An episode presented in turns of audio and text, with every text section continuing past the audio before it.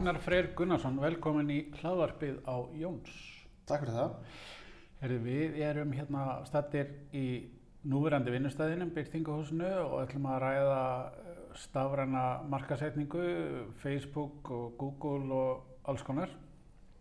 En aðvanda, fyrstu mannin, Fyrstu mannin. fyrstu mannin segir okkur aðeins frá Agnari Frey. Já, ég er uh, fættur á Selfossi en uh, flytt þaðan uh, fimm ára. Ok, Flytt í Mósusbæir þar sem ég bý núna og ólíklegt að ég fari úr Mósusbænum. Við erum bara fullkomlega hreinskilir með það. það er svolítið, bara, bara mósfellingur í húð og hár. Já, ég er orðin, orðin algjörlega, maður segja, eiginlega bara innbrett, frekar heldur bara innfættur, sko. Það er ekkert annað. Uh, og er búinn að vera að búa þar, já, síðan, 35 ára í dag og, og hérna, það er komið 30 ár.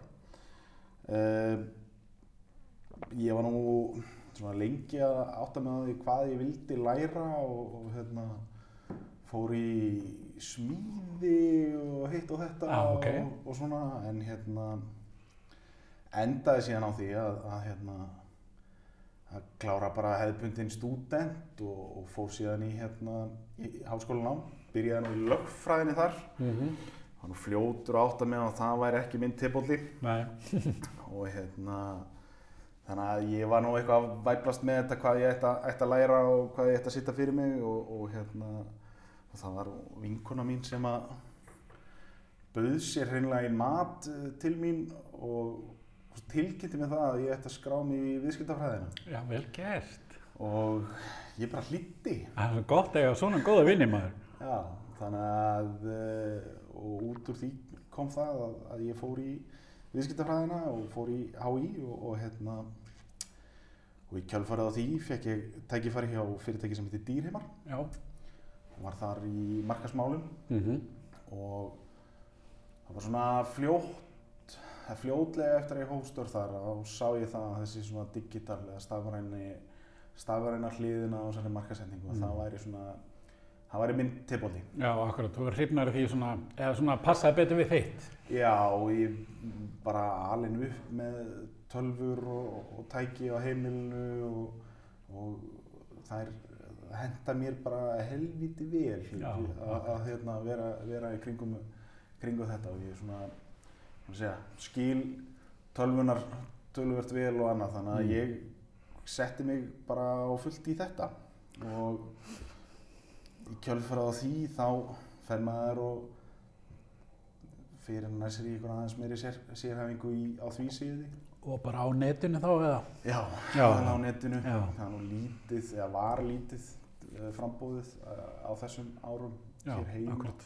Þannig að maður þurfti að sækja þetta hinga og þangað. Mm -hmm. Fyrst fer maður að náðu sér í eitthvað Google Ads Mhm. search, eh, certification og, og setur sér síðan eitthvað inn í Facebook og, og, og þessa miðla sem að, sem að er í bóði. svo hérna uh, svona að fullum þunga setja mig inn í þetta þegar ég hef störf uh, hjá Vert Já, auðlýsingastofni verðt. fór til uh, Vert markastofu Fyrirgjöðu. Vona hörður fyrirgjöðu með þetta, maður hlustar á þetta, eða? Já, ok. já, hann lítur að fyrirgefa þetta þar, þar alveg svona sekki mig almennilega inn í þetta Mm. sagt, og þá alla aspekta þessu Já. hvort sem það sé bara að leita vel að bestun og allt sem, Mm, að, sem að við mhm. kemur þessu Paid media, leitar vel að bestun og hérna bara allir pakkin í rauninni. Já, Mm. ég bara, það var eiginlega bara lítið sem ekkert sem að mér var óviðkomandi og ég hefur verið hingað til. Já, það er náttúrulega það sem að gera líka eh, fyrir okkur sem störfum í þessum bransa á Íslandi að við erum, við getum ekki kannski sérhæft okkur bara í PPC eða einhverja því að við verðum að svona, þú veist, geta, eða ekki. Jú, algjörlega, Mæ, þú veist, það er, sviðið er of þröngt oft Já, já, ef við myndum alltaf vera bara í PPC eða bara í social eða, eða bara í einhverjum, þú veist, adserving hluta, einhverjum Mhm. DMP, programmatík og auglýsingum eða hvernig sem það er, sko. mm En hérna, þannig að, uh, já, ég er, ég er, ég er, ég er búinn að vera heppi með það að hafa fengið að snerta á ýmsu Já, á, á þessari starfsæði. Já.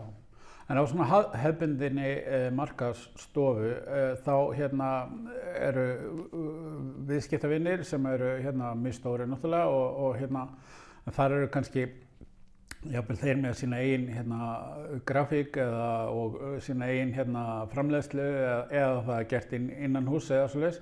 Hvað, þú veist, þannig að þú hefur kannski ekki beint verið svona að snerta á því að öðru leitin að segja þitt álit á efninu sem hefur framleitt og Já, Já. ég bara, ég myndi seint kalla mig eitthvað grafíkar mm -hmm. uh, þó maður getur nú vissulega haft skoðun á hlutunum og annað slíkt en Mhm. uh, hvað er góð grafík, hvað Mhm. er gott content og Mhm. annað uh, í gegnum tíðina þá hef ég hingað til bara í raun og veru lát, vilja láta tölunar Akkurat. bara se, segja, vera gagguna drifin í því sko. Komst bara beint að svarinu sem ég var að vinna eftir, að fá, sko.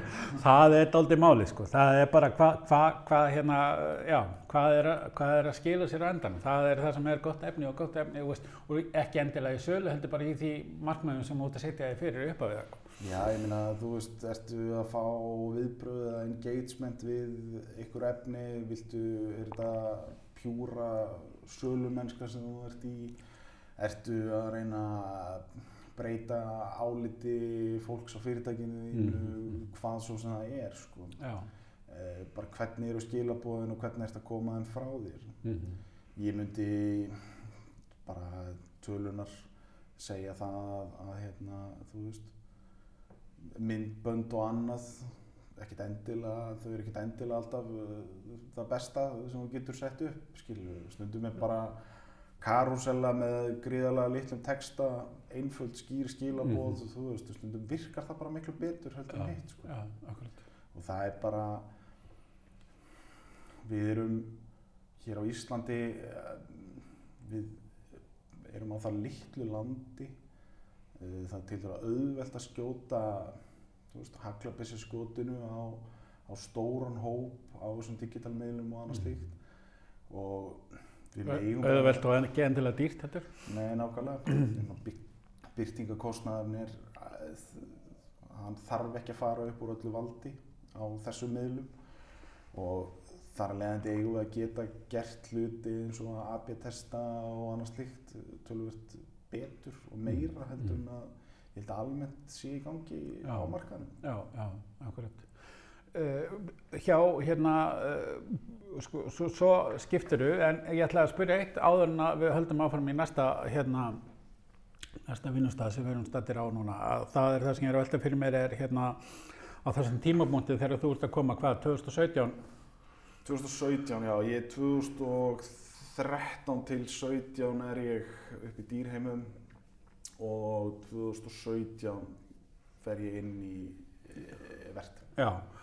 Er á þeim tíma, uh, þetta er bara svona meira svona kannski forveitni heldur en uh, fyrir mig persónulega, er á þeim tíma hlutverk þeirra sem er í þínu starfi ekki orðið þannig að þú þarft ekki að útskýra fyrir viðskiptunum af hverju þeir þurfa að huga að þessum hlutum heldur bara, veist, þeir vita það en það er bara að gera það. Af því að fyrir þá sem að fóru byrja á þessu fyrir kannski lengri tíma síðan þeir eru bara, hérna, þurftu að byrja að segja um hvað þetta væri, sko. Eh, algjörlega, það, það, má, það er alveg klálega þannig að sko, skilningurinn var kominn Já, einmitt. hjá all flestum að þarna séu miðlar sem að skipta máli Mm. og ef þú nýtir það rétt Mm. þá ert að fara að ná, þú veist, þá getur þú náð árangri. Já, einmitt. Um, YouTube, Google, Google Display, Mm eh, Facebook, Instagram, aðrir nýmiðlar, LinkedIn, -hmm. Twitter, Mm núna er nýjasti miðlinn Twitch, -hmm. þú veist, það er, það eru, svo margir miðlar í bóði, Mm hva, hvernig átt að nýta þetta Mm. og hvernig á að horfa á þetta og ég, það er svona, ég held að séu flestir allavega búin að átta sig á sko, samfélagsmiðlunum og uh, ég myndi segja að séu flestir líka búin að átta sig á hérna, Google Searchinu. Já, akkurat. leitar orðunum Mm. og annað sjá, og, og átta sig á valjúinu sem er á bakvið, bakvið það. Já, akkurat, akkurat. Uh, svo hérna söðlarum ferði, kemur hérna í byrtingu og segur okkur kannski aðeins svona hvað bara þitt hlutverk og þitt svona daglega starf. Já, ég kem hingað yfir, uh, ég svona formlega uh, segi í raun og veru já og, og, hérna, og skrifa undir februar uh, 2020 Ok. og uh, fyrsti formlegi vinnudagurinn var hérna bara 1. apríl, daginn eftir, eftir COVID-höft og annað slíkt sko. Þannig að var bara að vinna heima strax á fyrsta degi. Það var eiginlega bara þannig. Ég held að það hafi verið komið júni eða júli þegar ég hitti eh, restina af samstarfsfólkinu sko, í persónu. Já, það er svolítið. Ekki gegnum Teams eða eitthvað annað. Þetta, hérna, þetta viðtal er, verður vantilega nummer 133 eða 4 eitthvað slis í, í þætti 8 þá hittum við Frosta Jónsson hjá Byltingahúsinu sem að var á milli, hérna, milli hátíða jóla 9 ás 2016 þannig að mögulega er eitthvað búið að breytast hjá Byltingahúsinu síðan eða, eða hérna, bara hreinlega einhverjir sem hafa ekki ólíklega vel til að einhver sem er að hlusta í dag hafi ekki, sé ekki búin að hlusta alla þettina þannig að þú segir okkur kannski svona bara frá byrtingahúsinu áður en við förum svo í hvað þú ert að gera, hvað, svona bara hvað byrtingahúsi gerir og Byrtingahúsið er uh, stopnað ár 2000 og er hérna uh, frjálst og óháð gagnadrifið byrtingahús. Við erum ekki hlut af stofu eða annað slíkt og við erum uh, sem sagt svona mantran er fræði í framkvæmt. Uh, við erum að pæla gríðarlega mikið í gögnum uh, hvernig eru smelli hlutvöll, hvernig eru CPM verð, hvernig er uh, þetta allt. Við vinnum fyrir þó nokkuð mikið af fyrirtækjum og, og mörg af bara hreinlega stærstu fyrirtækjum landsins og við erum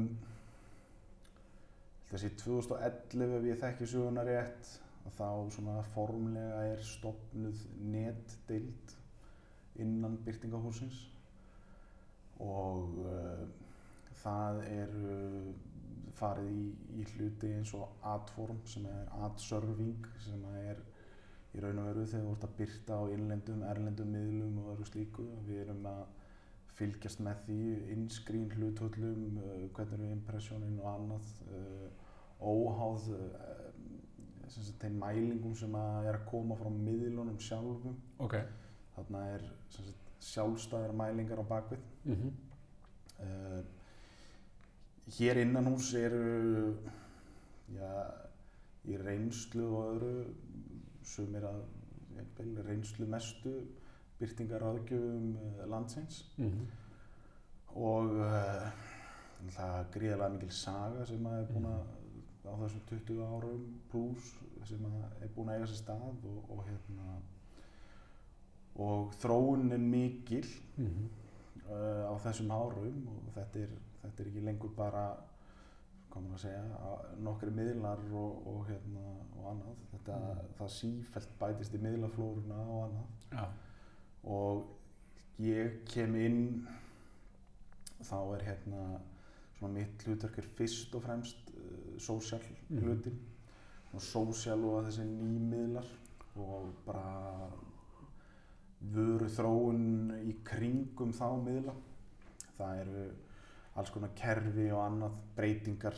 Við erum að sjá veist, kökunar hverfa þú veist, vafra kökunar er að detta út og við erum að sjá EOS breytinguna og, og það þarf að bregðast við þessu öllu og þarf að gera, gera þær breytingar sem að, sem að þarf, þurfa að vera mm og ég hérna svona mitt hlutverk hefur verið, verið að, að setja okkur í, í þær stellingar Mhm. gagvart uh, aðalega samfélagsmiðlum og, og hérna og skoða möguleikana sem eru á öðrum miðlum sem að kannski íslensk fyrirtæki hafa ekki tilengað sér segja nægilega mikið eða, eða eru hreinlega bara fyrst núna að opnast Mhm. fyrir íslensk fyrirtæki. Það er líka skemmtilegt með hérna byrtingahúsið að vera með hérna gríðarlega þekkingu og reynslu í þessum hérna þó að við séum lungu hægt að tala um en bara svona til að skilgrina hefðbundni miðlum eins og útvarp, blöð og, og hérna og sjónvarp og, og þannig að, að hérna uh, og er að vinna fyrir stærri vörumerki að geta tengt þetta svona saman eða það er ekki svolítið, þú veist, þú veist að- passa upp á það að þú sért að ta, hérna, með svona svipað efni, svipað tone of voice og allt þetta á öllum miðlum þegar þú ert í stærri fyrirtæki. Jú, algjörlega og bara passa að þetta sé on-brand allt sem að er að koma og þetta sé í takti við það sem að þú ert og við sjáum það að ef þú ert að keira herrferð á þvert á alla miðla Mm. þá sjáum við, þá er sörunin betri allstaðar Einmitt. og ég meina það er hægt að færa rauk fyrir því og, og ég held að það eru margir sem eru bara sammála því að, að hérna, þú veist, byrtingar eins og útvarp og sjónvarp og prentmiðlar uh, hér á Íslandi bara uh, vegna þeirra fló, bara hvernig flóran er og annað hér hjá okkur og þá er þetta ennþá bara, þetta eru ennþá stærstu miðlanir Mm og, og hérna upp á dekkun og annað Mm. þá getur við náð tölum fyrir upphæðir sem þú getur, myndir ekki einu svona geta dreymt um í öðrum löndum sko. Nei, akkurat, akkurat. Þetta er náttúrulega líka því að nú vinnur byrtingu sem fyrir svona stóra alþjóðlegu vörmerki, þá er þetta náttúrulega líka bara kannski krafað utan að, þetta sé unnið svona. Já, ég meina ég get alveg sagt það að ég geti nú ekki kannski nefnt nákvæmlega fyrirtækin en, en það, eru, það eru kröfur uh, og standardar sem við þurfum að vinna eftir Mm. bara ef að fólk hefur heyrt um uh, EAS og EAB standarda og annað slíkt þá Mm. þurfum við að vinna eftir þessu öllu uh, þetta eru integral ad science og annað slíkt uh, uh, botta umferð og annað veist, við erum með tækju tól til þess að exklúta svoleiðis tölur út úr þessu og annað slíkt Mm. um, og bara það er ótrúlega mikið af þessum hlutum sem við þurfum að hafa í huga og við þurfum að vinna eftir við þurfum að skila skýslum og öðru slíku sem að Mm. já, ég hef ekki séð áður Nei, nei, akkurat sko, það er náttúrulega málið. Þannig að hérna, ég meina eins og, eins og hérna að geta þá uh, í krafti, já, bara stærðarinnar, þekkingunar, sögunar, fyllt eftir uh, því sem að er um að vera í heiminum eða í bransanum og að vera að vinna fyrir þessu stóru vörumerki. Það hlýtur að vera mjög mikilvægt. Núna á þessu ári erum við að sjá þrjá kannski svona stóra hluti, þetta kökurna hverfa og, og hérna og það sem við köllum eða sem að við förum aðeins uh, í fæði til að útskýra kannski aðeins fyrir þeim sem ekki vita hvað það þýðir og, og svo EOS, hérna uppfæslan hjá EOS og, og svo það sem að Google kallar hérna, hvað kallar þetta nú aftur? Uh, já, nú man ég ekki. Ég var að bara klippað inn í eftir hérna Core Web Vitals, þarna kom orðið sem ég var að leita. Þannig að það, það, það fullt af breytingu sem er þessi stað, það sem ég er að reyna að segja og, og, og svo mikið að hérna, mikil þróun í þessu. Þannig að hérna, ef við kannski bara byrjum aðeins á að, að tippla á einu og einu í einu af þessi þremi sem að ég tel upp, kökurna hverfa. Hva, hvað, hvað þýðir þetta? sko, við þekkjum það öll þegar við erum að fara inn á heimasíður að þú ert að samþykja vafrakökur og annað slíkt Uh, þetta er bara breyting sem kemur á fullum þunga inn 2017, 18 eh, eitthvað í kringu það þegar GDPR breytingin á sér stað uh, ég ætla nú ekkert að halda því fram að ég sé ykkur mikill snillingur í GDPR hlutunum og öðru slíku þegar að þetta var að gerast þá ætla, mikill, eða bara eiginlega titringur á markanum Mhm. uh, markaslega séð, þú veist hversu mikla breytingar þetta myndi eiga sér stað og annað Mm. uh, ég lít svo á að svo breyting hafi reynilega verið bara mjög jákvæð Já, uh, þarna er bara verið að fara betur með gögn og það er verið að fara Mm. betur með þessa hluti uh, gegnsæði í raun og veru orðið betra og annað slíkt það er hægt að færa rauk fyrir því og það er raun og veru verið að skikka fyrirtæki til þess að sinna markastarfi betur uh, við erum öll með síma og tölfur og annað og það eru safnað, söfnað alls konar gögnum um okkur og við erum veist, við erum söluvaran hjá ansið mörgum af þessum fyrirtækjum Mm. og, og það er uh, oft svona ískikkilegt að hugsa hvað er hvað þessi fyrirtæki vita um okkur Mm. en uh, þetta er bara líðundi lók, sem sagt third party cookies. Uh, þú ert ennþá með þær upplýsingar sem þú færið sem sagt á heimasíðinu og annað. Þú munt sjá hvernig eru sölutölur og hvernig eru heimsóknartölur og annað slíkt Á þínum einu vef. á þínum eigin vef.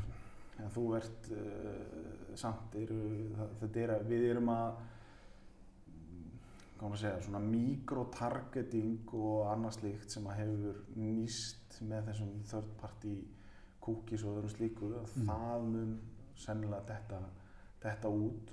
Ef ég ætla að markasetja á uh, kallmenn 30 til uh, 40 ára sem áhuga golfi og bla bla bla og svo framönda göttunum. Það er það sem að, Já, sko, browserarnir eru að hætta sem sagt, en því að það er svoleiðis nú þegar hjá Firefox og Safari. já, Uh, Chrome er ennþá með þetta, en Chrome hættir að, að, að trakka í raun og veru. Þess breytingin verður svo á 1. janúar 2022 að þá detti þetta út. mm. En uh, það gerir það samt ekki verkum að þú getur ekki beint auðlýsingum á kallmann sem er 30-50 ára og hefur áhuga á golfi en uh, þú getur mögulega ekki sett nákvæmlega vöruna sem hann var að skoða. nei, akkurat. Þannig að það eru kannski breytingarna sem er að verða. Þetta við erum að færast í það sem að maður myndi kalla contextual targeting frekar heldur en, heldur en svona content targeting. Sko. Mm. Hvað ert að skoða, inn á hvaða, hvaða síðum ertu og öðru slíku. Þó að við séum að taka síðan eh, með hefðbundu borðunum, með lausn eins og, eins og við erum að við bjóðum upp á sem að uh, er þessi, þessi tenging við atform og annað að þá getum við en þá haldið að áfram að segmenta en á móti kemur, við erum ekki með þessi, þessi gögn nákvæmlega, heldur við þetta farið að byggja frekar og tölum frá einhverjum stofnunum eins og Hagstofu og slíku hvernig eru, hvernig eru svæðiskiptingin og annað slíkt Já, ok, og er, er þetta upplýsingar sem að eru þá bara inn í ykkar tólum sem að, eða koma til með að vera? Já, Mm. tólin eru, eru í raun og veru tilbúin en hv- svo eru þau probabilistic eða þau eru bygg, byggð á líkum Mm. Ef þú býrð í þessari tilteknu götu og þá ertu líklegri til þess að eiga þetta og þetta þú veist, það er einbýlishús eða raðhús og hvernig sem það er. Og þetta eru þetta eru gögn sem að er hægt að uh, komast í og hægt að vinna með. En þannig er bara búið að setja í þannig búninga að, að þau verða í praktík praktís í raun og veru hægt að, hægt að nota þau. En að bara kökunar það eru allir aðelinir Facebook og Google og annað að vinna í lausnum Mm. í að hvernig á að fara fram hjá eða, eða vinna með Aðalega sig. aðalega sig Mm. kannski betra Mm. orðið yfir þetta og ég ætla ég ætla þú veist hversu ábyrgt það er að segja en, en ég ætla að segja ég myndi segja við þá sem að eru, eru að horfa á þetta eða hlusta á þetta að, að hérna við þurfum kannski ekki að panika Nei. og en það við, við munum finna lausninar munu koma en hvernig það er verða og hversu nákvæmlega Mm. mér persónulega finnst það bara nokkuð jákvægt að við séum ekki við séum ekki svona svakalega það sé ekki þetta svona svakalega mikrotargetir á mann sko Nei, akkurat. um, það er það er bara oft ég, bara, ég var að ljúga ef ég myndi ekki segja það að stundum þá finnst mann þetta orðið alveg ískikilegt Mm. eins og það er í þessari, þessi, þessari stafrænu markasetningu sko. Já, já.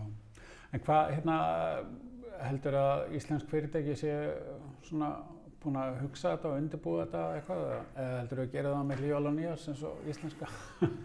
Ég held að sé ég held að það verði að verði mikið þannig Mm. en uh, sem betur fyrir langt frá því eh, að það verði allir svoleiðis Mm. og ég held að flest fyrirtæki sem vilja gera þessa hluti vel séu að setja sig í stellingar og tala við sína samstagsæðila og annað hvernig, hvernig þeir eiga að bregðast við og, og í hvaða stellingar þeir eiga að setja sig til þess að geta haldið áfram að, að fá árangur út úr uh, stafrændi markasetningu. Mm. Nú tilkynnti Apple að þeir ætluð að hérna, sitja í nýjustu uppfærslu að hérna í einhverju uppfærslu eru tilkynnt þetta 14,5 miljónið eða eitthvað að þegar þú opnar appið, eitthvað app, þá spyr hérna, síminn hvort að þú viljir að hérna, leifa honum að trakka það ekki og hérna og Facebook fór pínlítið á, á hliðina við þetta í smá stund Sem gerir það að verkum að, að það er erfiðar að fylgjast með hvað fólk er að gera í símanum upp á targeting og eitthvað. Hvað, ef við förum aðeins yfir hvaða, og núna kom bara í gær held ég að þetta ætti að gerast núna bara í næstu viku. Já. Þannig að hérna, Bara hva, hvað, hérna, 27. held ég, eh, 28. apríl. akkurat, hvað, hvaða, hérna, veist, hvað, hvað þýðir þetta?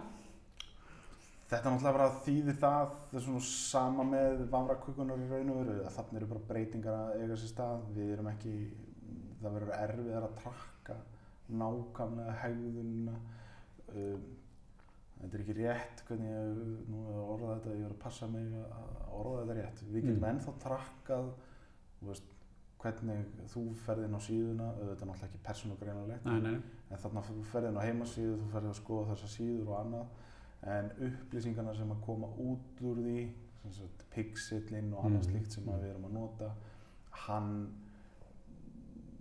við, það verður erfiðara fyrir okkur sem störfum í stafrændi markasendingu að nýta þær upplýsingar til þess að auglýsa til þeirra sem hafa komið inn á síðuna já, já, já. þannig að þetta eins og þetta lítur út fyrir mér á þessari stundu að þá er þetta sennilega að fara að bitna mest á smærri fyrirtækjum Mm. uh, frekar heldur en stærri fyrirtækjunum sem geta skotið víðar og annað sko. Og eiga líka fyrirleikjandi eldri gögn sem við geta meða við. já, Já, já, og mögulega hærri vitund og Mm. annað slíkt akkurat. En Þetta er svona, ég, þarna aftur, uh, fyrsta breytingin sem kom núna í janúar þegar það er breyttu attribution Mhm. settingunum uh, úr þessum 28 dögum sem Facebook var með í 7 daga og annað slíkt. Auðvitað sáum við breytingar á tölum, conversioni og öðru slíku, Mm.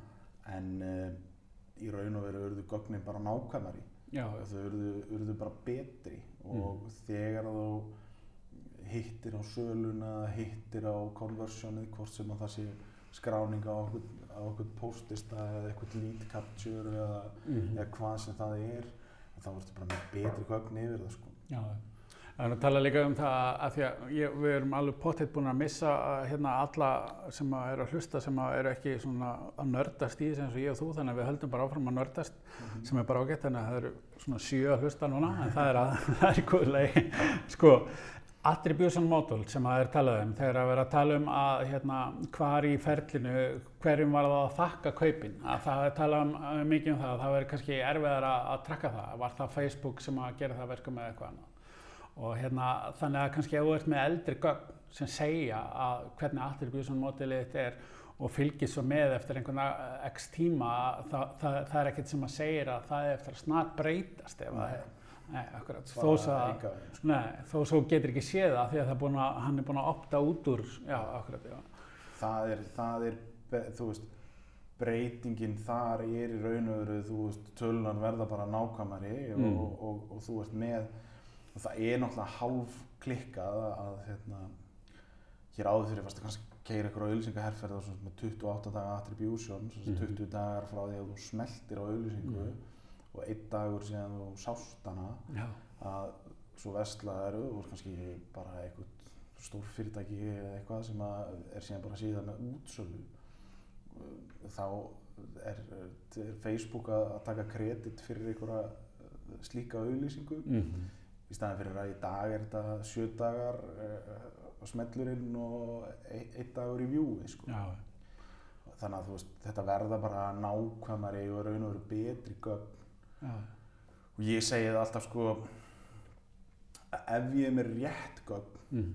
alveg sama hvort að það séu góðar eða slæmar tölur sem þú vart að fá út úr því mm. ef að gögnin eru rétt þá er þetta góð gögn. Já, ef þú getur treyst í, herri, þetta eru söluna sem að þetta skilaði sér og þetta, eða, þetta gerði hvort sem þessi leitarorð, Facebook-auðlýsing, eitthvað displayborði eða hvað sem það er, borðin á einhverjum innlendum veðmili, að ef að, eru, ef að tölunar eru réttar sem þú færði út úr því, að þá ertu með, þá ertu með góð gögn og þá getur þú tekið upplýsta Mm. ákvörðum um hvað þú er að halda áfram að gera akkurat. eða bæta í eða breyta hvernig sem það er sko. Já.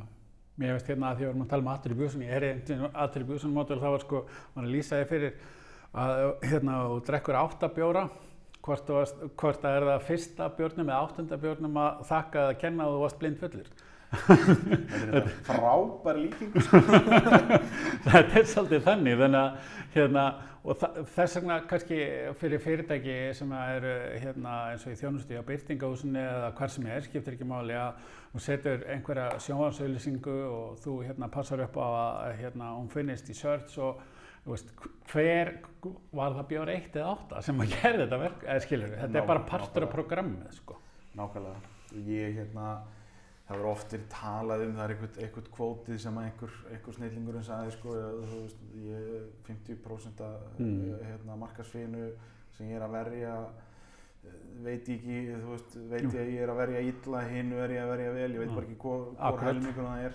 Ég er reyndar sjálfur ekkert voðalega hrifin af því, sko, uh, því að við erum að reyna að verja auðlýsingafíði þannig að við séum að fá okkur árangur út úr því Já, og við sjáum alveg í dekkunatölur og allt þetta, veist, hvernig vitund eikst auðlýsinga eftirtekt og annað slíkt. Mm. Mm, Það er nú bara staðan hér á Íslandi að í ótrúlega mikið tilfellum þá erum við með bara fákefni já, og það eru kannski í, í stóru flokkunum eru þrýr til tíu max eh, að, að vinna í raun og veru þannig að þú, við erum alltaf að við höfum tækjatól sem við getum svolítið treysta á auðlýsinga eftirtekt, Mm. hvernig eru salan hjá fyrirtækinu, hvernig er, hvernig er traffíkinn á síður, hvernig er allt þetta mm.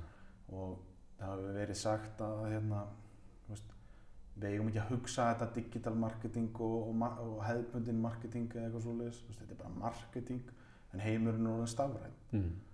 og það er svona fyrir mér, þetta, þetta horfir svolítið þa þannig við mér, ég meina, við sjáum bara tölur.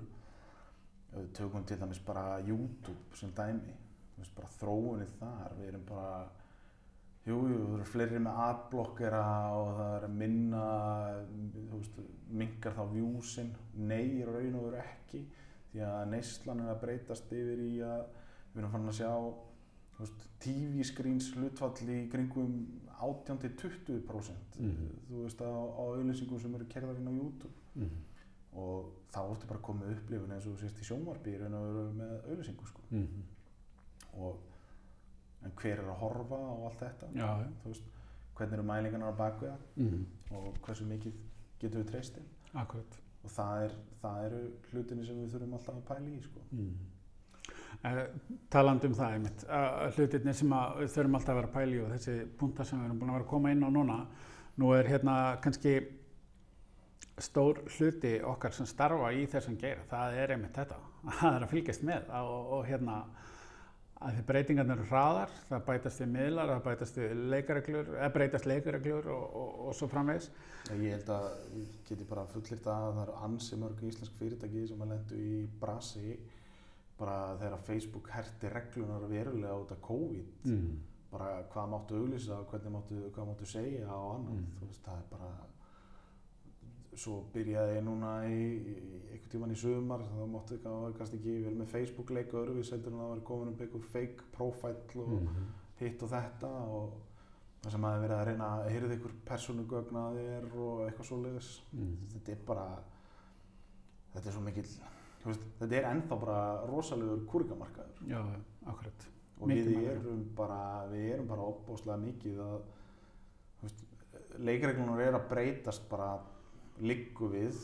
Ég ætla að segja kannski ekki dag eftir dag en svona það, það er hverjum einasta mánuði þá breytist eitthvað aðeins. Já, ég meina ef þú tekur alla miðlana og allt sem þú ert að nota þá er þetta dag frá degi breytingar ef þú tekur, það er einhvers stað breytingar hér. En ég uh, hérna sá nú eins og fleiri í hérna í blöðanum í gerð hérna skemmtilegt eða svona eða gæri að fyrir þetta upp að komu hérna varðandi Facebook auðlýsingar á þjóðleikúsi og kannski segir okkur aðeins frá því. Já, ég get sagt ykkur aðeins frá því. Það er þannig að það verið að setja herfri gang sem heitir nasetningar, ný síning og það verið frumsynd sumundaginn fyrsta að hérna auðlýsing sett í gang og, og hérna það eru nasetningur í auðlýsingaefninu, heitir vissulega nasetningar uh, líka og það kemur flagg, skilju, þú veist, er, er verið að hérna, setja eitthvað ólulegt eða, eða skrítið í, í gang, sko. Ég held að það hef verið regla 27 eða eitthvað í, í, í hérna, í lögunum eða pólisíunni hjá þeim, sko, publishing pólisíunni. Ja að hérna, það var einhver, eitthvað, óreint mjöl í pókahotninu og annað. Mm. Þá þurfti náttúrulega eðlilega bara að útskýra að það væri ekki, þetta væri síning og annað, þú veist. Ég held að allir sem þurfti einhvern tíma að díla við Facebook, Instagram og annað, að fara inn í þetta support og tala við það að við gera sér alveg grein fyrir því að mm. þetta er ekkert, þú, þetta er ekkert eins og það gerist hér á Íslandi og þú getur hringt í, hringt í Gunnar frænda á, á einhverju miðli og sagt, heyrðu, hérna, þetta er að breyta þessu, þetta er eitthvað svona og eitthvað. Ja, ja. Þetta er bara regluverk og, og hérna, þetta er náttúrulega gríðilegt bjá, Facebook og, og þeir, og maður skilur það alveg að þeir sé að fylgja ströngum reglum og öðru slíku og, mm og maður veit ekkert hvað er í gangi út í heimi svo sem nei, nei. með ímislegt svona hvernig menn er að nota þess að miðla og annað. Nei, akkurat. Ég hérna, þú veist, þetta er einmitt eins og þú segir, þetta er svo... En þannig að það sé sagt, þá eru auðvilsingin farin á stað, sko. Já, frábært og verður skilja heilmiklu þegar þetta fyrir lótið. Uh, hérna, að við talum um að fylgjast með og nýja miðla og annað, nú veit ég að þú er aðeins svona settið inn í uh, Twitch og segir okkur bara í stöttu fyrsta lagi hvað það er og í öðru lagi hvaða tækifæri eru þar. Sko, Twitch er bara langt frá því að vera nýjum miðl. Þetta er miðl sem að verður til 2011 sem einhvers konar afsprengi af, af miðli sem að hétt Justin TV sem að er sko frá 2007 eða eitthvað. Þannig að þetta er nú ekki, það er nú kannski ekkert að segja að þetta sé nýr miðl. Maður fylgist ekki meira með þetta sko, já já, allavega. En svona að 2017 þá tekur Twitch í raun og veru fram úr YouTube sem svona helsti uh, live streaming plattformi þeir sem eru með bein streymi frá því sem þeir eru að gera og langstæsti hlutin af því eru gamers veist, mm. að vera að mm. spila ykkur tölvuleiki GTA, Fortnite, hvað þetta allt heitir mm -hmm. og hérna en stærsti einstakki líðurinn þar inni er að verða hluti sem heitir Just Chatting og það er í raun og veru bara hvað sem er sem fellur undir það mm -hmm. það getur verið bara það er ekkert langt síðan að ég, ég var að kynna mér hana miðl og datta inn á ég vann mikið á pizzastöðum og svona mm. back in the day og, mm. og hérna þar var ég að fylgjast með manni sem að kalla sig Cheese Pizzas og var að setja upp hérna og bara baka pítsu Já, bakaði fjóra misluti pítsur og það var bara eitt að fylgjast með og spurja bara, þú veist, hvaða ost er þetta að nota hann og akkur er svona og og hitt og þetta og þetta er þú veist svo er hann að deila ykkur um uppskriftum og, og hvernig þetta virkar og annað þú veist þetta er bara og fjöldi fólk sem fylgast með hellingur að liði mm. uh, það eru það sem af er og, og sko vöxturinn síðasta árið hjá Twitch var gigantískur Já. það er bara svona meðal áhorf at any given time eða svona hverju stundu var 1,4 miljón uh, í februar 2020 mm. í februar 2021 voru 2,9 miljónir að horfa á hverjum einustu, eh, einustu sekundu að meðatali mm. uh, og þetta er bara í takt við það sem að gerðist í heiminu náttúrulega bara með þessu COVID-dóti. Við fórum úr því að vera í þessu sem að verið kallað FOMO eða Fear of Missing Out. Mm -hmm og allt í hennu vorum við komin í FOGO, Fear of Going Out. Já. og þarna er bara plattform fyrir alla ég meina þú getur verið tónlistamæður og þú getur verið að spila tónlist og annað. Og tekjumódili þarna eru svona subscribers fyrst og fremst.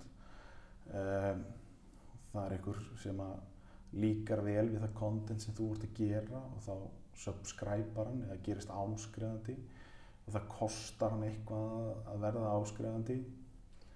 Um, Svo eru líka möguleikar að við getum fengið senda eitthvað svona bitlinga, þeir kalla þetta bits og svo er náttúrulega auðlýsingar, payroll auðlýsingar og annað slikt á, á vefnum eða á Mhm. rásinni. Um, þetta, þessi miðill hefur ekki verið lokaður fyrir íslensk fyrirtæki Mm. en uh, þeir fóru í eitthvað rístrúkt, uh, breyttu hvernig er struktúra auðlýsingarsölu inn á hana miðil hjá Twitch. Og við vorum að ræða það við þá, sem sagt við hjá Byrtingahúsinu, bara hvernig við getum komið okkar fyrirtækjum inn á þennan miðil. Mm. og ég held að lámarspönturinn á herrferð séu held ég, 10.000 dólarar eða eitthvað svoleiðis. Og það er ansi bratt fyrir íslensk fyrirtæki með miðil sem að við vitum uh, tiltölulega lítið um uh, en þetta er, að, þetta er að breytast og við fundum þetta lausn á samt vits þannig að við getum í raun og veru komið íslenskum fyrirtækjum að það inn með Já. svona impressions kaupum eins og kallað er. Svo kaupir einhvern x fjölda af, af byrtingum og öðru slíku. Er það ekki líkt á íslensku netmiðlar? Jú, Já, kaupir, kaupir einhver x byrtingar inn á, inn á einhverju príróli á sjónvar Símans eða, Mm. eða Vodafone og öðru slíku sko. Hvað hérna, fyrir, fyrir, fyrir þá sem er að velta því fyrir sér hvort að þeir eru heima þarna, hvaða, hva- hvaða, hérna, hverjir eru þarna? Þetta eru fyrst og fremst uh, ungir kallni. Ok, Þetta er, uh, þetta er aðalega, þetta er miðillin í heilsinni, globally, mm. er 65% kallmenn, Mm. 35% uh, konur Mm. uh, og 41% af öllum þeim fjölda sem fer inn á Twitch eru yngre en 25 ára. Já, já. Þannig að, og þetta eru tölur sem að hanga nokkuð einu við þar sem að, þú veist, við sjáum það ef að þetta er global hegðurinn að hér á Íslandi eru, eru við tech-savvy, höfum aðgang að, internetinu, góðan aðgang að internetinu þvert á allt og, og við erum í, já, þannig að við getum eiginlega svona, það, við getum fært rauk fyrir því að þetta séu svona svipaða tölur Mm. sem við erum með hérna. Hvað hérna, aðrir miðlar eða nýtt, eh, nú hefur, tel, maður sér maður poppar upp alveg stanslöst hérna undanfarnar vikur Clubhouse og svo þar á undan var að tala um TikTok og er þetta eitthvað sem að bara þú persónulega ert búin að kynna þér eða, eða, eða hérna byrtingahúsi? Við, það er, sjá, við erum, ég skal viðkenna það, Clubhouse uh, hef ég lítið kynnt mér. Já. En uh, ég er nú komið þar inn, en uh, hef lítið sem ekkert notað þetta. Sama hér. og, hérna, og TikTok er hérna svolítið svona eitt miðill núna og það er möguleikanar hvernig íslensk fyrirtæki geta notað hann eru kannski ekki hefðbundnir ef við byrjum þetta saman við Facebook og Instagram og annað slíkt þess að þú getur farið inn í einhvern ad manager og sett upp einhvern ad account þú veist að fara að króka liðir með þetta inn á, inn á TikTok en það eru, það eru möguleikar Mm. Uh, svo eru eru pælingar líka ég veit að Spotify eru að hugsa inn í podcastin hjá sér. Að þeir eru að hugsa þar þó þú sért premium að ef þú ert að, nú, ef þú ert að hlusta á eitthvað podcast þá gæt sé að losna slott þar sem þú getur sett inn Svona bara svo lesnar útvarpslög, auglýsingar já, og já. svoleiðis. Mm. Um, það er ekki komið til Íslands Nei, En uh, þetta er, það þekkist orðið út í heimi og þeir eru að gera tilhörna með þetta. Mm, Það geti orðið eitthvað. já, já. Þannig að, og já, við erum með puttan á þeim púlsi og, og erum, að, erum, að, erum að skoða þetta. já. Svo eru líka bara möguleikar sem að er að opnast uh, alltaf meira og meira. Meina, LinkedIn er að opnast meira fyrir íslenska, íslenska markaðin. Hann hefur verið, verið til dæla mikið lokaður miðl nema bara organískur Mm. en svona sem auðlýsingamiðl þá er hann þá er hann hérna þá eru þá er að verða meiri sveigjanleiki Mm. Uh, Twitter er líka miðl sem að hefur verið hinga til meira organískur en uh, við erum farin að sjá að íslensk fyrirtæki eru farin að byrja að nota Twitter aðeins Mm. Þannig að það er ímislegt í bóði. Það er ímislegt í bóðið á þessum miðlum og, og, og þessi þróun er ekkert að hætta þetta verður, þetta verður bara meira og meira Mm. uh, við erum líka bara við erum alltaf með þetta maður að segja, kalla þetta secondary device eða svoleiðis Mhm. við erum kannski að horfa sjónvarpið en þú veist ég held að séu tölur frá 2018 sem segja það við erum reyndar frá bandaríkjónum að hérna þá meðan þú ert að horfa á sjónvarpið og þá eh, séu ykkur starf í kringum 50% hlutvall sem að fyrir síma eða fartölvu eða eitthvað annað Á meðan. á meðan Mm. og það getur verið allt frá því að vera bara hreinlega að googla eitthvað sem tengist því sem þú ert að horfa á það kom nú frétt uh, fréttir úr íslenskt fyrirtæki þar sem að hann mætti hérna gæðin úr High School Musical Zac Mm. Efron hann hann var með einhvern Netflix þátt sem að byrjaði í mið- byrjun COVID og þá sem hann var að smakka á okkur íslensku súkulæði held ég frá Omnom eða eitthvað Mm. mm. og það bara salan rauk upp Mm. það er bara fólk sem er að horfa á hérna, þáttinn svo fer það að googla með það er að horfa og eftir að það er búið að horfa á annars slíkt. Sér þá eitthvað hmm, ok, þetta, ég get fengið þetta sent og annars slíkt sko. Og þetta er bara tölvöld mikið að gerast. Þannig að við sjáum það að ef eitthvað gerist í fréttum nafngreindir einhverjir, einhverjir menn fyrir annarkvæmt góða eða slæma hluti þá getur alveg séð það að, að daganir í kringum frétt, fréttaflutning frá þessum tilteknu einstaklingum að þá rjúka Google eh, leitanir og annað slíkt á þessum einstaklingum. Og það er bara þessi secondary device sem við erum að nota. Ég sé það mér finnst mjög gaman að fylgjast með, með hlustin á þættina mína sko, ef að, ef að koma einhverjir hérna uh, í fjölmjölum sem hafa verið í þáttunum þá hérna ekst alltaf hlustunin þó að séu tekja ára gamli þættir eitthvað. Það er bara nákvæmlega málið. Já. og við erum bara, þú veist, ég er, mér er mjög umhugað um, um íþróttir og pæli mikið í þeim og Mm. hef verið að vinna fyrir afturöldingu og annað slíkt og það er bara, þú veist, á meðan þú ert að horfa á fótballtaleik þá ert að skoða Twitter umræðina sem er í gangi og annað slíkt. Nú er til dæmis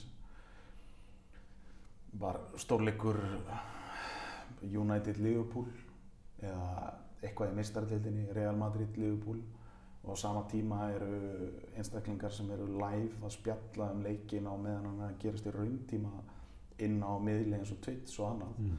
þar sem að þú getur verið að hlusta á einhverja breyta sem er að spjalla um fótbolltaleikin og annað slík Já, akkurat. og ég er ég held að við séum á leiðin inn í rafíþróttir e-sports þetta er svo sv- svakalegu vöxtur í þessu. Já, þó að veist, ég er eh, myndi segja að ég var í tech savvy og, og, og, og svona fylgist vel með mm.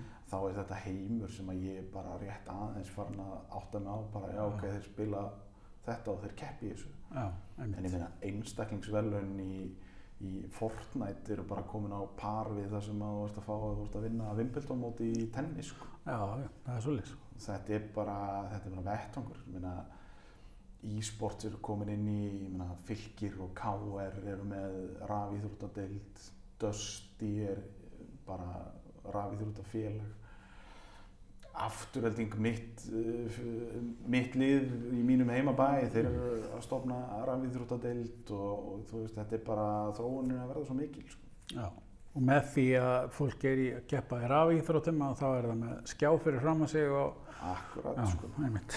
og það er bara, þú veist, þetta er bara, við erum að verða, ég held það er sprenging í öllu sem heitir golfhermar og annað í, í dag, ég meina, þú ert að fara á pílustaði eins og þarna búlsæi og þessa staði, þú ert að, að keppa í pílu með félagunum og þetta er allt orðið digital í raun og veru, hvernig er þetta ekki orðið að að reikna þetta sjálfur og hitt og þetta. Veist, þetta er bara veist, það er alveg einfalt að sína frá live viðburðum í þessum íþróttum. Þú meina ég held að sé bara ekki íslenskt íþróttafélag sem ekki sýnir heimalegina sína orðið á YouTube rásum eða hvernig sem það er. Og þetta er bara, bara þróunin að verða svo mikið í þess áttina. Mm. Ég þekki það sjálfur bara með afturheldingu ég meina við erum að horfa á afturhelding Víking, Ólafsvík eh, eitthvað leik eh, þar sem þú veist með 2800 manns að horfa en þú veist 50% að það er á Íslandi sko Já.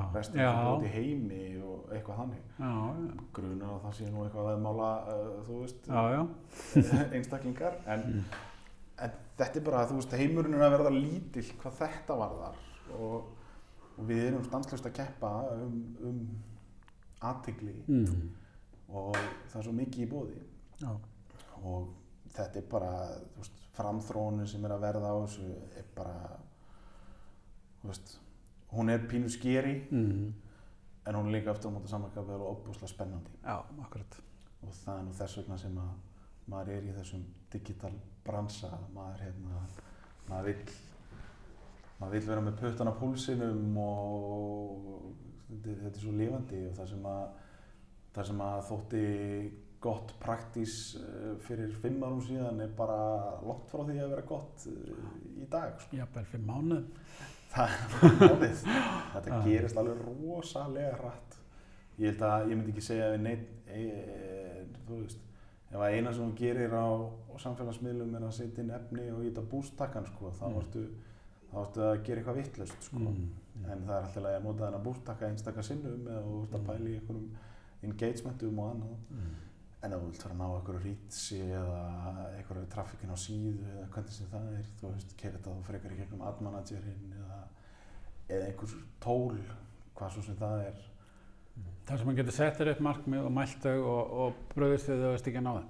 Já, ég meina, ég horfi svoleiðis að, að það sem þú varst að verja, byrtingafíði sem þú varst að verja í digital marketing, þú átt að, að setja það upp í einhvers konar, þú veist, ok, segjum 80% eða eitthvað sé prospecting, 10-15% retargeting og kannski 5% inn sem eftir eru, við séum þá að nýta þau í uh, retention Mm. Endur virkja eða bæta einhverju upplifun eða hvernig sem það er Mm. þú veist, þú getur verið þú veist, nýbúin að ve- vesla eitthvað að, að, hérna, það sé einhverjur uppsell möguleikar eða, Mm. eða hvernig sem það er sko. þú færð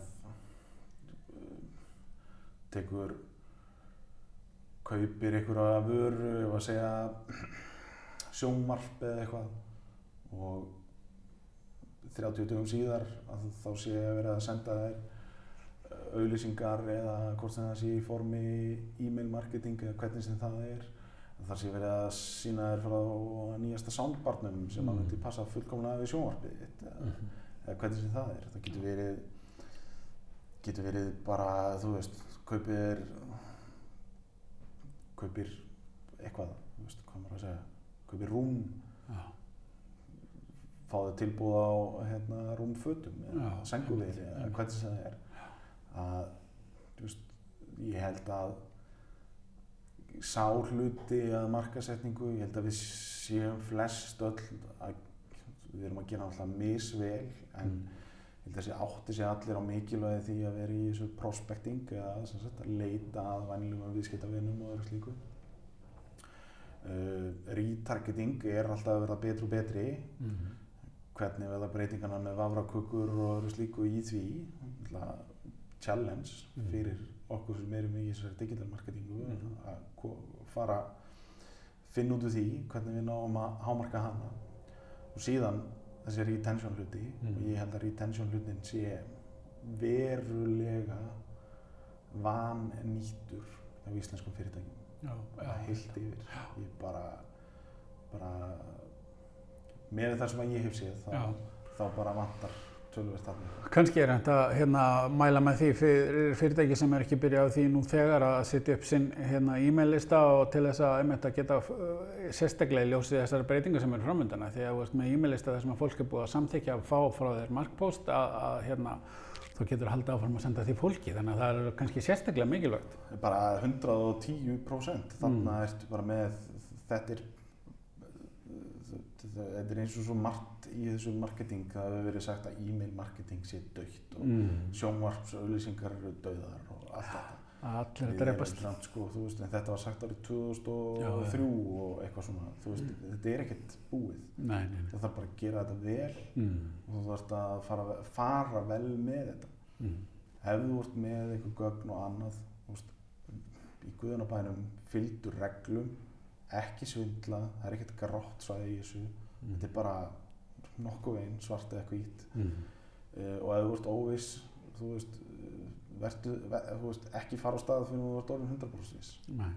Leitaður upplýsinga. Það er til sérfræðingar alveg í massavist og farir ekki endilega og sért ekki endálega í budgeti að vera hjá auðlýsingastofu eða byrtingahúsi eða eitthvað og getur keft þér 1-2 tíma í ráðgjöf og haldur svo áfram.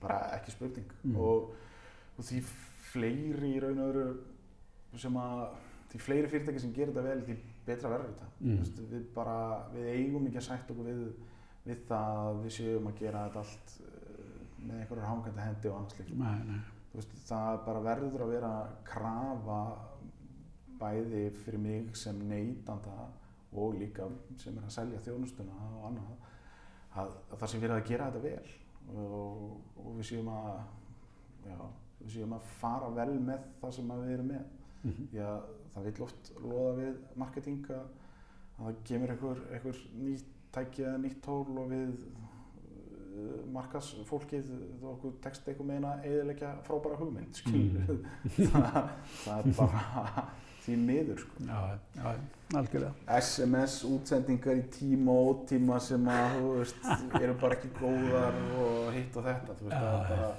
alls konar skrýtnir markpostar ég meina ég ég er, er ballaus og það er algjörlega það er algjör óþarfi að vera að sína mér einhverja bleiðjulýsingar sko. Mm.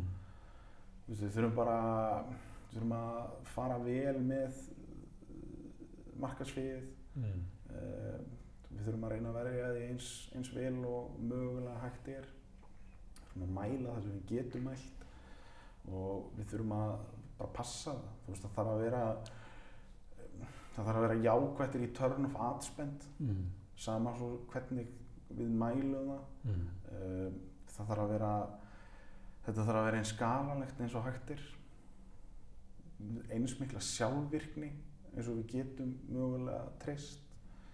Við þurfum að rýna uh, creativið eða contenti sem við erum með. Þú veist, er það að skila árangri? Þú veist, hvernig klikkur og reytið á þessum borða versus hinn borðan lit, litir texti, font, annað, allt þetta creative dót sem ég ætla nú ekki að þykjast vera með mikla uh, hérna þekkingu á. Svo bara texti og annað. Bara, eins og ég segi, í mörgum tilfellum þá bara þvælist bara textin fyrir sko. Já, akkurat. Og svo er það náttúrulega hitt í þessu líka. Ég meina, við erum oft bundin í það að, að, að, kvartningin til aðgerða eða call to action hnappurinn sé búkná eða shopná eða eitthvað svoleiðis. En í mörgum tilfellum þá bara, veist, send message. Já, En þá þarf einhver að geta að tekið á móti sko. já, klárlega.